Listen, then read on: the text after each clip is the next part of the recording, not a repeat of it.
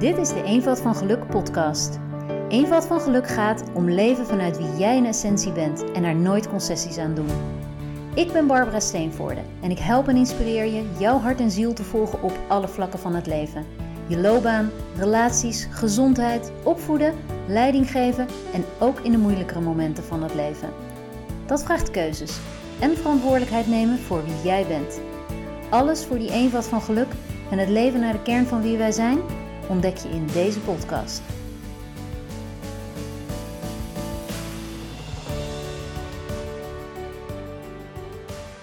Hi, van harte welkom en leuk dat je weer luistert.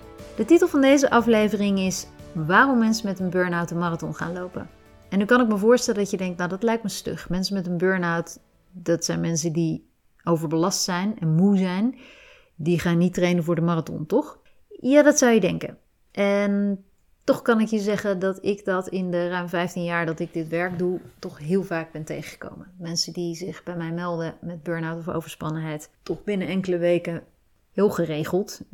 Heus niet allemaal, maar heel wat mensen die hier kwamen met een burn-out of overspannenheid, uiteindelijk heel hard zijn gaan trainen voor de marathon.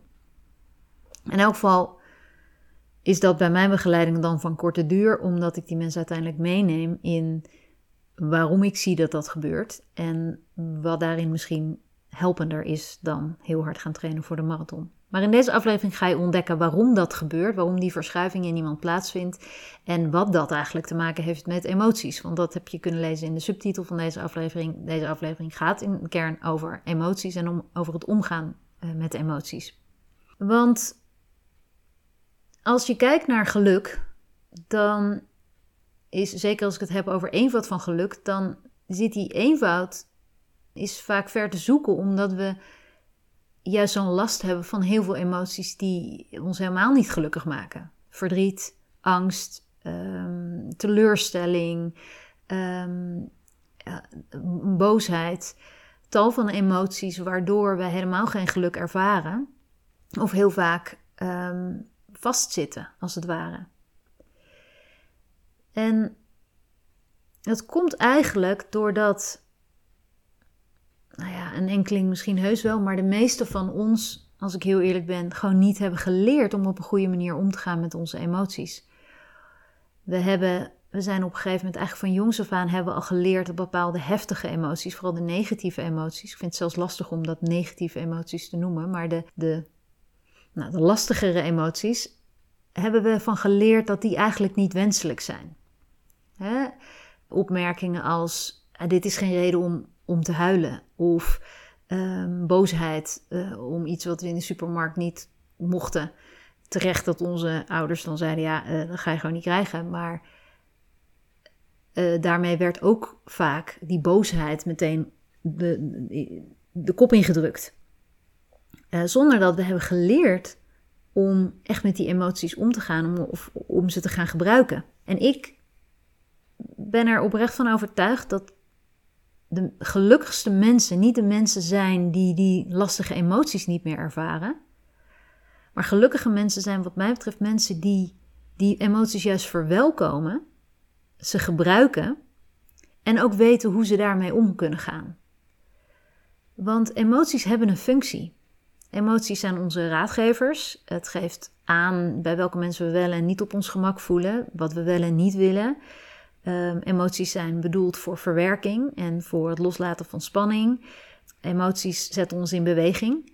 Dus emoties hebben een enorm belangrijke functie. Alleen hebben we van jongs af aan geleerd om die emoties weg te stoppen of hebben we geleerd dat emoties niet oké zijn. Tenzij we heel blij zijn. Nou, om daar iets meer over te zeggen, hoe, hoe, hoe ja, wat, zien we dan gebeuren hè, als, we, als wij als kind opgroeien? In aflevering 2 vertelde ik al over dat we als jong kind al een bepaalde afweer ontwikkelen, een beschermjas, als gevolg van bepaalde ervaringen uh, die we opdoen, en waarin we een soort schrik of pijn opdoen. Uh, gevoelens hebben die heel overweldigend zijn en om dat nooit meer te voelen, kiezen we een bepaald gedrag. En dat gedrag, dat is ons beschermingsmechanisme om bepaalde emoties nooit meer te voelen. Nou, in een ideale begeleiding van ouders leren ouders dan alsnog, als dat kind iets ouder wordt, hoe dat kind met die lastige emoties kan omgaan. En wanneer een kind dat leert, kan die bescherming langzaam uit, want dan voelt een kind zich veel meer in staat om met lastige situaties en emoties om te gaan. En zijn die gedragspatronen niet meer nodig. Alleen de meeste van ons leren dat helemaal niet. Uh, gewoonweg omdat onze ouders ook niet bewust zijn van hoe belangrijk dat is. Dus daar zie je dat we ooit als kind een bepaalde afweer kiezen, een bepaalde bescherming aantrekken. En die bescherming als uitzicht door allerlei vormen van gedrag. En dat gedrag is heel vaak gewoon doorgaan. Uh, volhouden, altijd je best doen, uh, altijd klaarstaan voor anderen, constant mensen helpen, eerst de ander, op, de ander op de eerste plek zetten, daarna ik. Dus allerlei um, vormen van gedrag waarin we maar doorgaan en er maar zijn voor iedereen, maar waarbij we onszelf en zeker onze emoties al lang al zijn gaan vergeten. Iets anders is dus dat we ook niet geleerd hebben gaandeweg om daar goed mee om te gaan. En we hebben geleerd dat het niet geaccepteerd wordt in een gezin.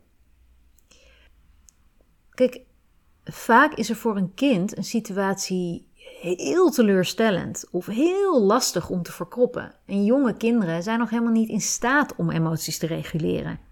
Het, is niet eens de bedoeling in die hele eerste jaren, die hele jonge jaren, is het nog helemaal niet. Is een kind nog helemaal niet toe aan het reguleren van emoties? Is het alleen maar de bedoeling dat we een kind gaandeweg helpen om daarmee om te gaan, uh, om er naar te luisteren en om ze te gebruiken? Uh, maar eigenlijk leren de meesten van ons dat we heel lastig zijn als we heel boos zijn. Of dat we overdreven doen als we heel verdrietig zijn, als we iets niet mogen. Dus we leren eigenlijk uh, hoeveel van ons zijn niet uh, naar onze kamer gestuurd. Hoeveel van ons hebben onze eigen kinderen naar de gang gestuurd om maar even af te koelen.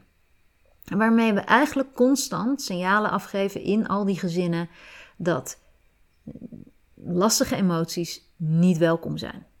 Dus als gevolg van die beschermjas, als gevolg van nooit geleerd hebben hoe met lastige emoties om te gaan, en als gevolg van de angst om niet geaccepteerd te worden in een gezin als je heftige emoties hebt, hebben de meeste van ons besloten: ik stop mijn emoties weg. Gewoon wegstoppen, dan heb je er geen last van. Ehm, dan voel je ze dus ook niet meer. Als je maar doorgaat, als je maar altijd klaar staat, als je maar gericht bent op prestaties, als je maar weet ik veel wat, dan voel je op een gegeven moment ook gelukkig niet zoveel meer. En als je maar lang genoeg emoties wegstopt en ze niet voelt, kun je ze op een gegeven moment ook niet eens meer herkennen. En dat gaat een tijdje heel gestaag door. dat doorgaan, dat volhouden, dat presteren, emoties wegstoppen, handelen, ehm, leven, een studie volgen, een baan volgen. En elke keer als er emotie dreigt op te komen, wegstoppen, uh, niet voelen, doorgaan, volhouden, verman je maar, verzet je maar, huppatee. Totdat het op een gegeven moment niet meer gaat. En dat is dat moment waarop je zo lang alles hebt weggestopt wat je eigenlijk voelde, dat het gewoon niet meer gaat. Dat dat volhouden ervoor gezorgd heeft dat jouw lijf gaat protesteren. Waardoor het bij een ernstige overspannenheid gewoon letterlijk niets meer kan. Op je dag, bij wijze van spreken zijn mensen die op dag wakker worden en dat hele lijf doet gewoon niets meer. Dat is echt een beschermingsreactie van het lijf om te zeggen, nu is het klaar. Want dit gaat niet meer. Dat betekent eigenlijk, een burn-out ook, dat er heel veel effort ingestopt is, maar dat we niet meer hebben gevoeld waar wij blij van werden. We hebben niet meer kunnen, energie kunnen opdoen, positieve energie kunnen opdoen. En we zijn maar doorgegaan, we hebben maar gepresteerd, we zijn maar vol gaan houden. Maar we hebben al lang niet meer gevoeld wat we nodig hadden. En daarvoor moeten we voelen. Daarvoor moeten we gaan herkennen weer hoe het met ons gaat. En op het moment dat iemand overbelast blijkt, dan komt dat moment dat iemand op een gegeven moment gelukkig beseft: oké, nu moet ik stoppen. En dat is zo'n moment waarop mensen bij mij komen en zeggen: van, kun je me hiermee helpen? Want ik ben net, ik ben herstellende van een burn-out, of ik, ik heb me drie dagen geleden ziek gemeld, of heel vaak komen mensen eigenlijk net daarvoor, op het moment dat ze eigenlijk zeggen tegen mij: uh, kun je me helpen? vol te houden. Uh, want het, lukt niet meer, ik ben uh, niet tevreden met mijn werk of ik ben moe en ik begrijp niet waar het vandaan komt. En dan ben, merk ik al in een 1-1 gesprek, dit, dit, is iemand die al heel lang is doorgegaan. Dus het is de bedoeling dat je gaat stoppen. Dus in welke fase mensen ook komen, er komt een moment dat iemand beslist, dit gaat inderdaad echt niet meer. Mijn lijf kan niet meer, ik kan niet meer, het, ik, ik kan niets meer aan, ik kan alleen nog maar huilen. De sluizen zijn open, dit gaat niet meer. En gelukkig stopt dan zo iemand. En gaan we aan de slag. En ga ik in gesprek. En wat ik in de eerste weken van begeleiding doe, is dan met zo iemand allereerst gaan kijken naar welke beschermjas heb jij nou eigenlijk aangetrokken. Überhaupt vertellen dat wij allemaal een beschermjas ontwikkelen en waarom we dat doen. En dat is meestal al een enorm moment van herkenning. Dat mensen beseffen, jeetje, zit het zo in elkaar. Nu pas snap ik waarom er verschillende geluiden in mij zich afspelen. De een, een geluid wat constant maar door wil gaan en, en moet presteren. En een ander deel wat, wat eigenlijk gewoon moe is en rust wil. Dus in die eerste periode kijken we als eerste welke beschermjas heb je aangetrokken. Welke gedragspatronen horen daarbij. Die jas heel goed leren kennen. Ik zeg altijd, ja, als je een jas hebt aangetrokken toen je drie, vier was, dat is een jas die nu sowieso wel een beetje krap zit. Maar om een jas uit te kunnen doen, moet je wel weten, zit er een ritsluiting, zit er een knoopsluiting, hoe, hoe kan die jas uit? En die eerste sessies gaan daarover. Patronen losweken, de jas losweken, om dat te kunnen doen, te herkennen. En uh, beseffen welke overleving we gekozen hebben. En herkennen waar we dat op dit moment nog steeds doen. Dus we worden bewust van de jas en we gaan hem losser maken. En op het moment dat die jas losser wordt, open gaat, en van tijd tot tijd misschien wel uitgaat, dan ga je voelen. Want die beschermjas we zoiets bedacht, dat doorgaan, dat volhouden, dat altijd maar klaarstaan voor iedereen, dat was bedacht om niet meer te voelen. Dus op het moment dat je stopt met dat alles, dat die jas wat open gaat, dan zul je merken: oh ja, nu ga ik voelen hoe moe ik eigenlijk ben. Of hoe zat ik dit werk eigenlijk ben. Of hoe verdrietig ik eigenlijk ben over hoe het altijd gaat in mijn relatie of in mijn werk. De pissigheid over wat we onszelf niet gegund hebben. Of misschien zelfs wel pissigheid op onszelf over wat we onszelf hebben aangedaan. En er zit zelfs ook best wel vaak een gevoel van rouw bij. Rouw om jeetje, in al die jaren dat ik deze bescherming aan had, deze gedragspatronen toepaste, wat heb ik mezelf veel, eh, veel laten missen. Want het had zoveel lichter gekund, zoveel leuker gekund. Ik had zoveel meer willen beleven. Ik heb alleen maar hard gewerkt en ik, ik ben alleen maar doorgegaan. En, en wat wil ik nou eigenlijk? Dus dat alles ga je voelen. Maar dan komt de grote alarmvlag. Dat is vaak het moment waarop iemand de volgende sessie bij mij komt en zegt: Nou, het gaat eigenlijk best goed met me. Ik ben lekker gaan trainen voor de marathon. Ik dacht toch, nu ik toch thuis zit, ja, ik moet natuurlijk toch een beetje sporten en een beetje bewegen. Dus ik heb bedacht, ik ga trainen voor de marathon. Er zijn ook mensen die ineens verwoed de zolder gaan opruimen. Ik bedoel, of die in één keer ineens uh, zich voor uh, opgeschoven hebben om iemand te helpen die aan het verhuizen of verbouwen is. Ik werk op dit moment toch niet, dus dan kan ik mooi even lekker met mijn handen bezig zijn. Maar dat zijn vaak wel grote projecten waardoor iemand helemaal opgeslokt wordt. En waarom is dat nou? Omdat net op het moment dat iemand echt gaat voelen, diegene nog niet in staat is om om te gaan met die gevoelens. Want, terug naar het begin, dat heeft hij nooit geleerd. En dat werd niet geaccepteerd vroeger. Dus al die oude overtuigingen die we eigenlijk heel vaak niet bewust zijn, komen er overheen. We moeten ontwijken. We moeten ontwijken wat we aan gevoel hebben. We mochten niet voelen, we hebben het nooit geleerd, we hebben geen idee hoe we ermee om moeten gaan. En het voelt als veel te veel. En als emoties veel te veel worden, dan gaan we weer in die oude jas zitten. En daar zie je zo'n fase in dat proces waarin iemand eigenlijk weer teruggetrokken wordt door die bescherming. van, oh, laten we het maar weer op de oude manier doen. Dus huppa, weer die schouders eronder. Huppa, lekker die zolder opruimen. Hoppa, de marathon gaan uh, beoefenen. Want dan hoef ik niets te voelen. En dat is het moment waarop ik tegen iemand zeg: Als je wil dat ik je echt help, dan ga ik je helpen voelen. Maar dan wil ik je wel vragen om te stoppen met trainen voor de marathon. Want de marathon is jezelf feitelijk, zoals Midas Dekkers, de bioloog, wel eens heeft gezegd, schijnbaar. Um, alleen een leeuw, uh, of zelfs een leeuw rent ook niet een extra rondje. Dus het is niet onze natuur om te gaan hardlopen, tenzij je dat op een heel bewuste manier doet. Dan, ik ben inmiddels een stuk wijzer dat uh, hardlopen wel degelijk goed voor je kan zijn. Maar niet voor de mensen die al overbelast zijn en die zichzelf al, al jaren in een fight or flight uh, stand hebben gezet.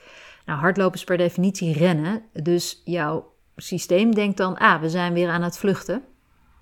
Um, dus ik vraag dan mensen ook gewoon liefdevol om te stoppen met trainen. En dat als we klaar zijn, dat ik zeg van joh, ga dan gerust alsnog die marathon lopen. Maar gun jezelf dit proces van leren voelen. Want je begon net te voelen, die jas begon net losgeweekt te raken.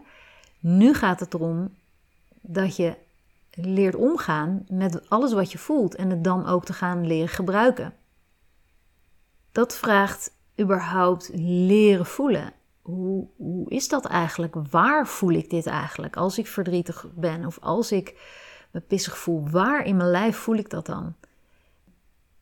Geef dat eens een naam. Is dat, is dat een scherpe pijn? Is dat een doffe pijn? Hoe ziet dat eruit? Is dat een blok beton in je, in je, op je hart? Of is dat een, een spons, die, die soort zeurende pijn? Of is dat je, je keel wordt dichtgeknepen? Leer eens voelen, leer eens stilstaan bij wat voel ik eigenlijk?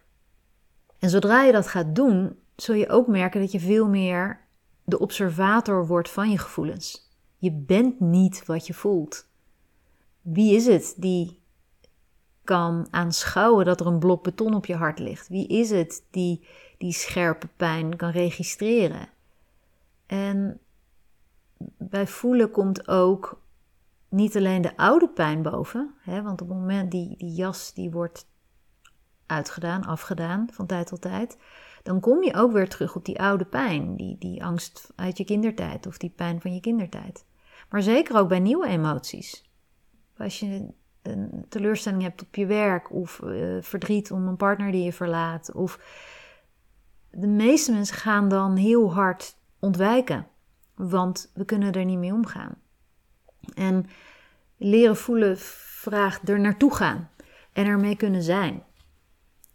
Dat betekent letterlijk ervoor gaan zitten, wat mij betreft. Dus ik zeg ook altijd van op het moment dat je zo'n emotie op je af voelt komen, op het moment dat je voelt dat je rot wakker bent geworden of dat je in één keer een telefoontje hebt gehad waar je heel naar bij voelt, ga zitten. Blijf zitten en zit hem uit. Ga er naartoe. Zeg gewoon vanuit die observator tegen dat stuk pijn of verdriet: kom erop. Show me. Ehm, ik vergelijk dat zitten met je gevoel ook wel eens, heel vaak eigenlijk, met stel je voor dat je met je vinger tussen de deur komt of als, als je per ongeluk met een eh, hamer op je duim slaat. Dan ga je ook hooguit vloeken, of je gaat enorm ijsberen, of je gaat um, van voor naar achter zitten wiegen, onderaan de trap, noem maar wat. Maar je gaat niet um, zitten Netflixen. Je gaat niet ineens de zolder opruimen. Je gaat niet ineens hardlopen. Je gaat niet een glaasje water pakken. Je gaat niet ineens meteen de verbandtrommel pakken, tenzij er eh, bloed is. Je zit hem uit. Want je weet, en dat is een belangrijke, als je met, je met een hamer op je duim slaat, je weet, dit is niet te doen nu. Het is onverdraaglijk. Maar dit gaat voorbij. Zo direct is dit voorbij. En dat is exact hoe je ook met je innerlijke gevoel om kan gaan. Met die angst, met die paniek, met dat enorme verdriet, met die ongelooflijke boosheid. Zit hem uit. En ga er naartoe en, en laat hem komen. dat is, dat zijn die momenten in het hele eenvoud van gelukproces, in al het werk wat ik daarin persoonlijk altijd doe en het werk wat ik met anderen doe. Dat is het lastigste, denk ik, van alles. Om het aan te durven gaan en om er doorheen te gaan. En zelfs als ik dit nu zit te vertellen, emotioneert het me op een bepaalde manier, omdat ik weet hoe afschuwelijk dat kan zijn. Maar de bevrijding daarna, de opluchting van, damn, dit heb ik uitgezeten en het is voorbij en ik kan weer opgelucht ademhalen. En iedere keer dat je dat doet, iedere keer dat je die enorme golf aan emoties uitzit en ermee kunt zijn, wordt die golf een beetje lager. En dat is wat mij betreft helen. Helen van oude pijn, helen van de huidige pijn. Ermee leren zijn, hem uitzitten het kunnen observeren, het kunnen voelen in je hele lijf. En het niet meer weg willen hebben. Want het weg willen hebben, dat is als een bal die je onder water drukt. Je kunt wel denken, ik wil niet boos zijn. Of je kunt wel denken, ik, ik, ja, ik ben teleurgesteld, maar ik ga maar door. Of je kunt wel denken, ik voel me verdrietig, maar ik heb geen tijd hiervoor. Of ik heb hier geen zin in. Of ga lekker Netflixen. Maar dat is een bal onder water drukken. Die bal komt altijd keihard in je gezicht terug. Hij komt een keer terug. Of hij komt terug doordat het ineens op je werk niet goed gaat. Of het komt terug in dat je stelselmatig verkeerde relaties aantrekt. Of het komt terug in dat, dat je ineens ontploft op een heel onbenullig moment, op een heel onhandig moment. Terwijl je veel eerder naar die boosheid had kunnen gaan, of die angst of die pijn. Een van de meest heftige, maar ook meest helende momenten die ik heb gehad ten aanzien van het uitzitten van emoties, ging over angst. Ik heb, uh, ik weet dat ik op een gegeven moment, ik heb al veel werk gedaan op het gebied van angst, omdat het een, nou, een levenslang thema is al voor mij. Al heel veel in weten op te lossen. Um, maar zoals dat met sommige thema's gaat, die komen van tijd tot tijd weer terug. En ik weet nog dat ik op een avond in mijn bed zat te schrijven. Het eind van de dag. En ik had gemerkt alweer een paar dagen dat ik echt last had weer van verschillende angsten. Zorgen om iedereen die me dierbaar is. Of om, nou ja, ik weet niet, ik weet niet waar, het, waar het precies om ging. Maar in elk geval schreef ik op, zoals ik dat wel vaker doe. Dan schrijf ik gewoon en dan vraag ik om hulp. En ik schreef in mijn journal, daar is hij weer, die angst. Ik wil hulp, ik wil het kunnen doorstaan en het aankunnen. Ik wil leren omgaan met die angst. En ik schreef op: geef mij alsjeblieft. En op het moment dat ik, ik had dat woord nog niet eens afgegeven, maar alsjeblieft hulp wilde ik opschrijven. Op het moment dat ik hulp wilde opschrijven, kwam er een gigantische donderklap. Ik ben enorm bang, was enorm bang voor onweer. Dus ik zat stijf van de stress rechtop in mijn bed. En ik, alle paniek sloeg toe. Ik ken angstige momenten, maar dit was een van de meest angstige momenten. Het was zo'n bizar harde klap. En het eerste wat ik dacht, de kinderen. Want ik had een keer van mijn broer ooit een verhaal gehoord over een, een, een bliksem die door een huis was gegaan. En, en ik maar ik was zo verstijfd van angst dat ik gelukkig door die verstijving ook besefte: dit is het moment. Nu moet ik hem doorzitten. Nu moet ik hem uitzitten. En ik zei tegen mijn partner op dat moment naast me: ik zei, niets doen, niet mij aanraken, niet mij troosten. Dit moet ik zelf doen. En ik werd gek van angst. Ik begon te zweten, te snotteren, te huilen. Te...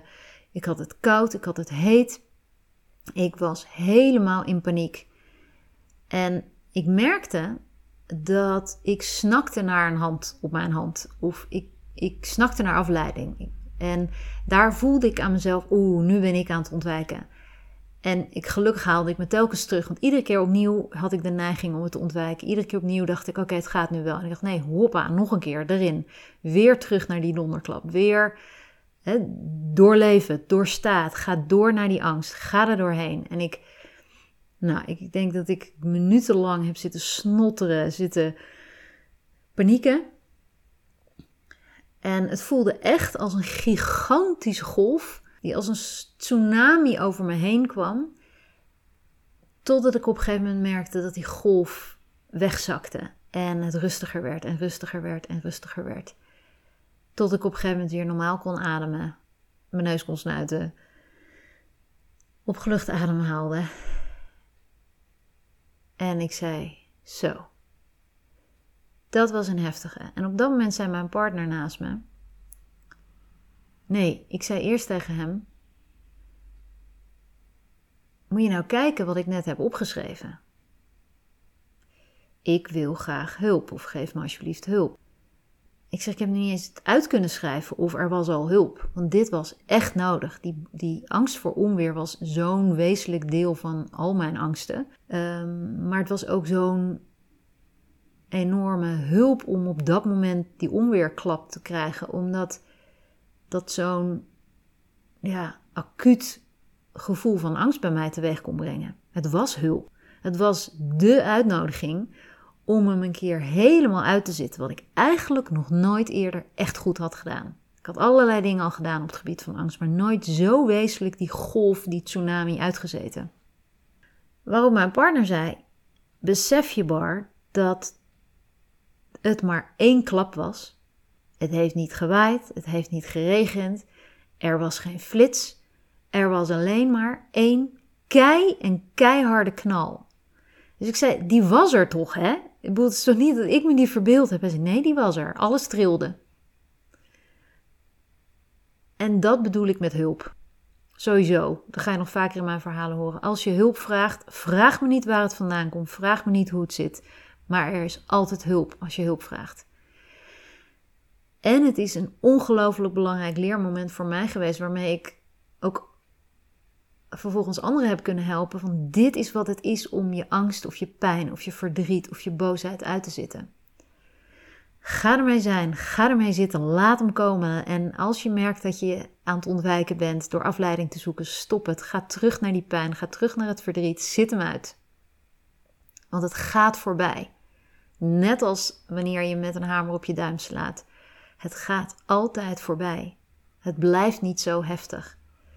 En als ik nog wel eens tijden heb dat ik echt in paniek ben of als ik heel verdrietig ben, dan weet ik altijd, het is nu echt onverdraaglijk, maar ik weet dat ik me zo opgelucht ga voelen zo direct als dit weer voorbij is. En soms is het dus zo direct een paar dagen later en soms is het een uur later, soms is het vijf minuten later. Maar dit is het. Dit is zijn met je gevoelens, met heftige oude pijn. En dit is ook de manier om er doorheen te gaan. Want als je dit vaak genoeg doet, dan wordt het steeds minder. Dat is wat mij betreft helen. Dat neemt niet weg dat het leven, ongeacht oude pijn of, of, of een verleden met angst in mijn geval, of, of bepaalde dingen kun je helen. Maar dan nog wil ik je uitnodigen om op een andere manier naar emoties te gaan kijken. Dat je er door dit soort voorbeelden toe uitgenodigd voelt om er meer te mee, mee te gaan zijn, om er echt voor te gaan zitten, tot die golf voorbij is. Zodat je ook kunt beoefenen hoe het is als je in de toekomst weer uh, nare situaties meemaakt of je heel ellendig voelt. Want hoe heb jij kunnen weten welke partner wel en niet bij jou past als je nooit hebt gevoeld wie jij heel naar vond of wie jij heel leuk vond? Hoe heb je kunnen weten welk werk goed voor jou is en jou enthousiast en geïnspireerd maakt en welk werk jou echt afschuwelijk lijkt? Dat komt wel door de emoties die we bij bepaalde situaties hebben. Als je ergens afschuw bij voelt of, of ergens opstandig van wordt of boos van wordt of verdrietig van wordt, dan is dat waarschijnlijk niet de kant die je op wil. Er zijn mensen die zich heel gelukkig voelen bij mensen in nood helpen. Dus dan zijn die mensen in nood niet noodzakelijkerwijs iets waar je blij van wordt, maar wel het gevoel dat je daar iets te doen hebt. Terwijl andere mensen zeggen: Oh, dat zou ik echt nooit kunnen. Dan klopt dat ook. Maar onze emoties zijn wel onze richtinggevers. Onze emoties zijn onze raadgevers waar we in beweging willen komen en waar niet. Dus het heeft een functie. En ja, het helpt enorm als je weet hoe je ermee om kan gaan. Het helpt ook enorm om dat te kunnen verdragen en te leren voelen, om het te leren lokaliseren in je lijf, zodat je er beter mee kan zijn, dat helpt allemaal. En om ook er naar te luisteren. Het, het betekent iets als je keel samenknijpt in een bepaald gezelschap. Het betekent iets als je je ineens heel uh, naar voelt als, je, als iemand binnenkomt. Neem dat serieus vanaf nu. Want we hebben niet geleerd van onze ouders om dat serieus te nemen. ik, ik, kan me nog een situatie herinneren waarin ik vroeger zei van... Mama, ik durf niet met die man in de auto. En dat mijn moeder zei, stel je niet aan, dat komt mij goed uit en rij dan maar met hem mee. Maar het, was, het klopte dat ik, dat ik dat voelde. Alleen, ik mocht het niet serieus nemen. Heb ik gelukkig op dat moment wel gedaan. Daar heb ik ook nooit spijt van, hoe boos mijn moeder ook was daarna. Maar weet je, die emoties zijn waardevol. Die horen bij ons. En het geeft heel duidelijk aan wat wel en niet bij je past. Dus dat kunnen we niet anders dan door ons kompas open te zetten en te luisteren naar wat goed voelt en wat niet goed voelt. Daarvoor helpt het dus je te realiseren: we hebben dat niet geleerd, we hebben juist geleerd om het af te uh, snijden. We zijn dat de hele tijd uit alle macht aan het ontwijken. Kijk eens wat jij daarin doet aan ontwijking. Kijk eens hoe jij omgaat met emoties. En gun jezelf dat je leert om niet meer te ontwijken, maar het aan te gaan. Want van dat ontwijken word je doodmoe. Want dan blijf je zolders opruimen, dan blijf je keihard werken, dan blijf je constant ja, het, allemaal heel zonnig uit laten zien en, en, en, en, doen alsof het allemaal perfect gaat. Maar dan ben je aan het volhouden. Dan ben je niet aan het leven, dan ben je aan het overleven. Nou, kijk eens of je hier iets aan hebt. En nou, ik denk dat je inmiddels je antwoord hebt op waarom mensen die marathon gaan lopen. Dat is ook precies de reden waarom ik op dat soort momenten zeg: wil je dat alsjeblieft niet doen? Ik ga je leren voelen. En dan zal het niet meer zo eng zijn en dan zal het niet meer zo'n uitnodiging zijn om te gaan ontwijken. Dan ga je het gewoon aan. Uh, er zijn maar weinig mensen die nadat ze hebben leren voelen, die marathon alsnog zijn gaan lopen. Ik denk dat ik van die mensen, ik bedoel, dat zijn er geen tientallen natuurlijk, hè, die echt die marathon gingen lopen, maar wel, wel zeker richting tien. Ik geloof dat in al die jaren er één was die uiteindelijk nog daarna een marathon is gaan lopen. Maar de meeste mensen beseffen zich, oh ja, het was echt de ultieme vorm van ontwijking. En zo zijn er naast alle marathon-intenties uh, natuurlijk ook mensen die op allerlei andere manieren uh, ontweken. En ook die mensen heb ik teruggeholpen naar hun voelen en naar het doorstaan van dat voelen en het verdragen en het gebruiken ervan. Dus wil het niet weg hebben, uh, leer ermee zijn en um, gun jezelf de raadgevende functies van alles wat je voelt. Want wat mij betreft is dat juist de kortste weg naar geluk. Met mijn emoties zijn en er naar leren luisteren. Leuk dat je weer geluisterd hebt. Ik hoop dat je hier wat aan gehad hebt. En uh, tot de volgende. Dag. Leuk dat je deze aflevering geluisterd hebt. Ik hoop dat je erdoor geïnspireerd bent geraakt om nog meer te gaan leven naar jouw essentie, om vervolgens alles op je pad te krijgen wat daarbij past. Ben je nu toe aan meer geluk en wil je dat ik je meeneem in mijn plannen en inspiratie? Dan kun je me vinden via mijn website barbarasteenvoorde.com en op Instagram, Facebook of LinkedIn. Als je alle Eenvoud van Geluk afleveringen wil blijven volgen, klik je op subscribe of abonneren in je podcast app.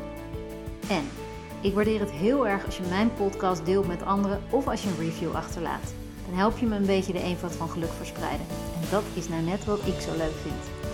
Maar het allerleukste vind ik om jouw persoonlijke verhaal te horen. Dus laat vooral weten wat deze aflevering jou aan inzicht of beweging bracht. Heb je heel concreet een vraag, een wens of een suggestie? Stuur me dan even een berichtje via mijn website of Instagram. Tot de volgende aflevering. Tot nog meer geluk.